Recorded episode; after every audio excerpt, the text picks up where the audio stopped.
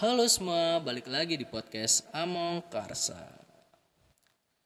Kali ini gue sendiri tanpa adanya novel karena beberapa hari yang akan datang nantinya wilayah gue terkena PSBL atau pembatasan sosial berskala lingkungan.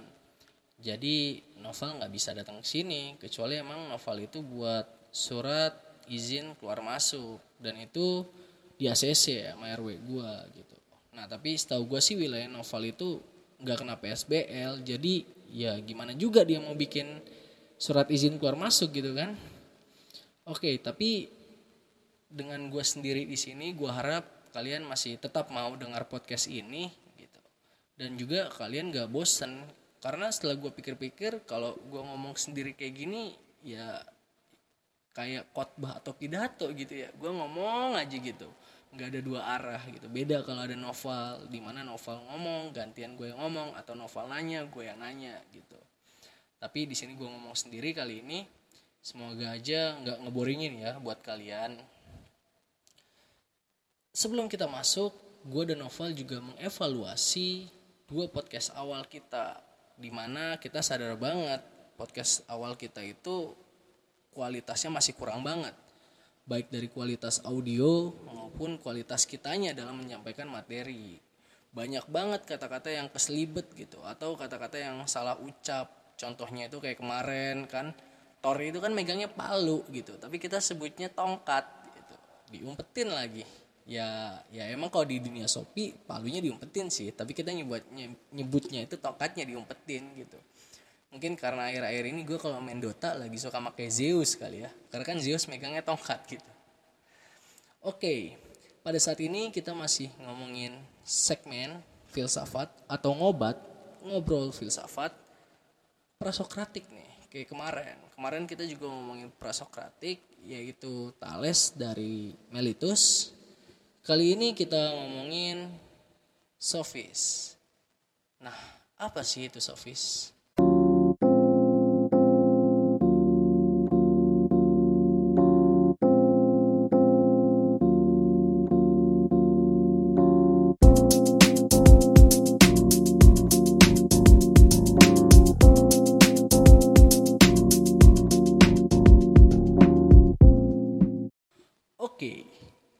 Sofis adalah nama yang diberikan kepada sekelompok filsuf yang hidup pada zaman yang sama dengan Socrates.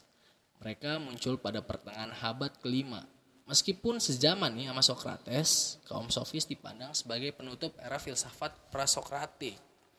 Nah, dan disebutnya itu filsafat prasokratik.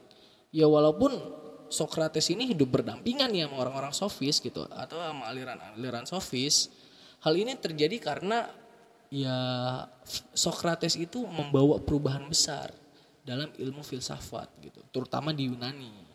Nah, maka dari itu Sofis ini disebut filsafat prasokratik. Nah, kata Sofis pada mulanya memiliki makna orang-orang yang pandai dalam urusan sosial, pintar, terampil dalam berbagai keahlian pengetahuan, kayak ahli bahasa gitu, ahli politik, ahli retorika dan lain-lain atau mungkin bisa disebut sebagai sarjana lah ya untuk saat ini gitu. Di mana kata ini diberikan kepada guru-guru yang mengajarkan suatu ilmu. Jadi dulu itu di Yunani itu orang-orang pintar itu keliling nih. Mereka itu mengajarkan ilmu-ilmu yang mereka ketahui gitu kepada masyarakat. Nah orang-orang ini nih yang dikasih gelar sebagai sofis. Gila bijaksana banget ya berarti gelar ini ya. Namun kata ini mengalami des, des, apa ya, distorsi lah gitu, mengalami pergeseran makna, yakni menjadi gelar bagi orang-orang yang licik dan pandai memutar lidah. Membelokkan kebenaran menjadi kebohongan dan kedustaan menjadi kebenaran. Gila, yang dulunya sofis itu hanya buat guru-guru gitu, buat orang-orang pintar gitu. Nah, sekarang ini mengalami distorsi gitu, maknanya bergerak Hal ini disebabkan karena mereka nih orang-orang pintar itu menggunakan kepintarannya sebagai alat untuk menipu dan menyesatkan banyak orang hanya untuk kepentingannya sendiri gitu. Ya kalau sekarang kan mungkin ya partai-partai dan lain-lain itu untuk kepentingan kelompok lah ya. Ini untuk kepentingan sendiri loh. nah sifat kaum sofis ini selalu menghamba mengabdi dan menjilat kekuasaan kepada raja, pemimpin ataupun orang kaya pada saat itu. Sehingga argumen yang disampaikan harusnya sesuai dengan kehendak dan membahagiakan penguasa. Nah, jadi gini, misalnya kayak misalnya raja gitu, nanya gitu. Nah, sofis ini nih harus ngejawab itu sesuai keinginan mereka gitu. Gunanya itu apa? Gunanya itu untuk menjilat gitu loh. Nah, jadi jangan harap ada objektivitas atau kebenaran yang dapat diperoleh dari mereka. Mereka itu tidak memiliki penderiti apa pendirian lah ya dan selalu berubah-ubah. Memutarbalikan fakta, pandai banget nih bersilat lidah gitu. Kalau enggak ngomongnya jago banget. Hanya semata-mata untuk uang sih. Jadi mereka itu mengharapkan imbalan bayaran gitu. Nah, bagi mereka atau bagi kaum sofis ini tidak ada kebenaran kecuali apa yang mereka bicarakan gitu. Dan setiap orang berhak membawa ukuran kebenaran masing-masing. Nah, dengan begini sifat buruk dari kaum sofis adalah menjual kebenaran kepada kekuasaan dan uang. Meniadakan kebenaran, nah konteksnya ini nihilisme ya, dan membenarkan segala pendapat atau disebut dengan relatif. Nah, ini nih yang ditentang banget sama Socrates kan. Nah, sofisme dipandang sebagai suatu gerakan dalam bidang intelektual di Yunani yang disebabkan oleh beberapa faktor yang timbul nih pada saat itu. Jadi, sofisme ini dulu itu disebutnya itu gerakan bidang intelektual gitu. Hal ini terjadi karena satu filsafat pada saat itu masih berwujud ilmu pengetahuan yang masih global gitu. Sehingga nantinya satu demi satu berkembang dan memisahkan diri menjadi ilmu pengetahuan yang berdiri sendiri. Jadi dulu tuh filsafat itu kayak ya udah ilmu pengetahuan itu satu gitu. Nggak nggak terpecah-pecah gitu. Baru nantinya akan bergerak menjadi ilmu sosial gitu dan lain-lain. Nah itu faktor pertama. Untuk faktor keduanya ada dua era pemikiran Yunani yaitu Yunani kuno dan Yunani klasik. Nah di Yunani kuno ini kebanyakan pembahasannya itu pembahasan yang bersifat kosmik seperti yang kemarin Novel jelasin nih di sesinya Thales gitu di mana mereka itu mencari apa ya pengetahuan terhadap dunia gitu. Mencari pengetahuan zat apa sih yang mencipt yang yang menciptakan dunia ini gitu. Beda sama Yunani klasik yang mana Yunani klasik ini sudah menjadi atau bersifat ke filosofis gitu atau berpikir. Orang-orangnya itu kayak Socrates gitu Plato Aristoteles. Nah mereka itu lebih bersifat ke pemikiran gitu. Nggak lagi membahas masalah alam semesta. Nah salah satu tokoh sofis yang sangat terkenal adalah Gorgias yang hidup pada ya rentan waktu 480 sampai dengan 380 sebelum masehi lah. Jadi Gorgias ini ada tokoh sofisme yang paling banyak nih muridnya nih. Dia banyak banget gitu pengikutnya walaupun pada saat itu juga banyak sih tokoh-tokoh lainnya gitu. Kayak Hippias terus Prodikos Critias dan lain-lain gitu. Nah menurut pendapat Gorgias yang paling penting adalah bagaimana dapat meyakinkan orang lain agar menerima pendapat kita.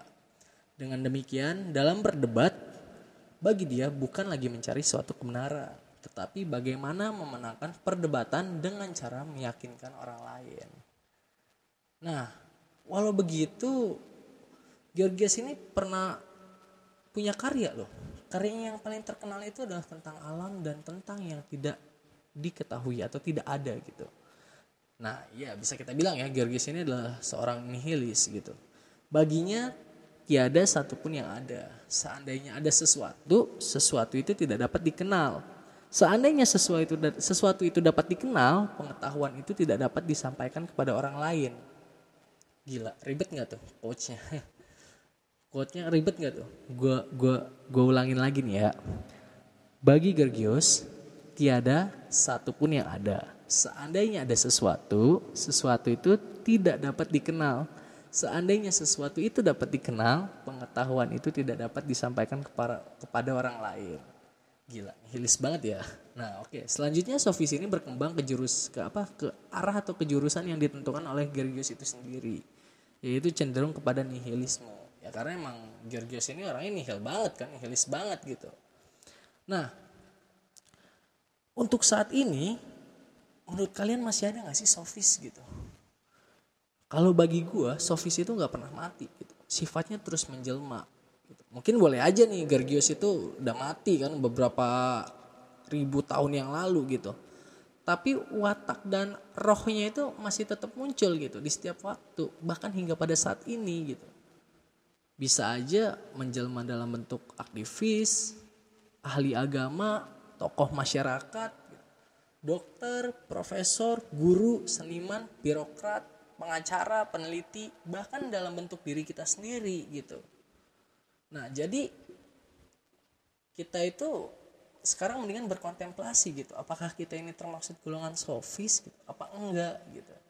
Karena kan kalau dilihat itu tadi sofis itu gimana ya orangnya ya? Intinya itu ya lu mementingkan diri lu gitu dengan cara apa pun gitu. Lu semua hal itu relativitas bagi lu gitu. Yang penting kebenaran itu apa yang bisa mencapai goals lu gitu kan orang-orang sofis itu dulu goalsnya itu yang mendapat bayaran gitu. Jadi mereka itu ngomong ke raja gitu menjadi penasehat menjadi pengacara gitu. Ya itu yang penting kliennya dia itu senang gitu dan dia dibayar. Nah itu orang-orang sofis cuy gitu. Dan ya nggak usah kita bicarakan lagi lah ya. Banyak banget gitu hal-hal seperti sofis ini yang kita temui pada saat ini gitu baik dalam bidang politik, baik dalam bidang ilmu pengetahuan gitu, bahkan di dalam organisasi pun ada gitu. Yang seharusnya bahkan di mahasiswa pun juga ada gitu yang harusnya independen, bersifat kritis gitu, yang harusnya bersifat idealis gitu. Tapi ya tetap aja sih yang menghamba gitu ada kan yang menjilat demi suatu kepentingan gitu. Nah, ya mungkin podcast kali ini gue udahin aja kali ya karena kalau gue ngomong sendiri kayak gini takutnya kalian boring juga gitu kalau ngomongnya lama-lama gitu. Yang penting kalian udah paham nih tentang sofis gitu. Atau mungkin kalau ada yang kurang kalian pahamin kalian bisa DM IG Among Karsa gitu. Terus kalian tanya-tanya di situ. Nah dan kita masih seperti yang kemarin-kemarin nerima masukan kalian untuk pembahasan podcast-podcast yang akan datang gitu. Misal kalian pengen ngebahas tentang apa gitu tulis aja gitu di DM IG kita gitu atau yang mungkin yang kenal sama gua atau Noval bisa langsung apa personal chat gitu ya kan bilang coba bahas ini dong gitu. Nah mungkin nanti kalau kita merasa berkapabilitas gitu akan kita bahas sih. Ya udah mungkin itu aja. Semoga podcast kali ini bermanfaat buat kalian. Kalian mendapat wawasan baru. Kalian jadi tahu apa itu sofis gitu ya kan. Dan kalian bisa merenungkan gitu. Kalian itu orang sofis apa bukan sih? Dan ya kembali lagi gitu ya kan sofis itu baik apa enggak menurut kalian? Karena ada yang memandang sofis ini baik ada yang memandang sofis ini nih kayak hama aja gitu kayak parasit.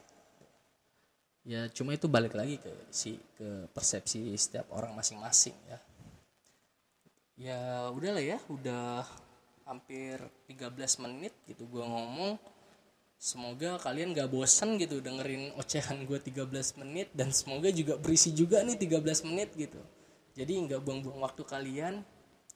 Dan semoga ke depannya podcast podcast berikutnya gue sama Noval udah bisa ada di satu mic yang sama ini lagi gitu. Sehingga kita berdua bisa bertukar pikiran lagi sih. Ya itu aja dari gue semoga kalian suka.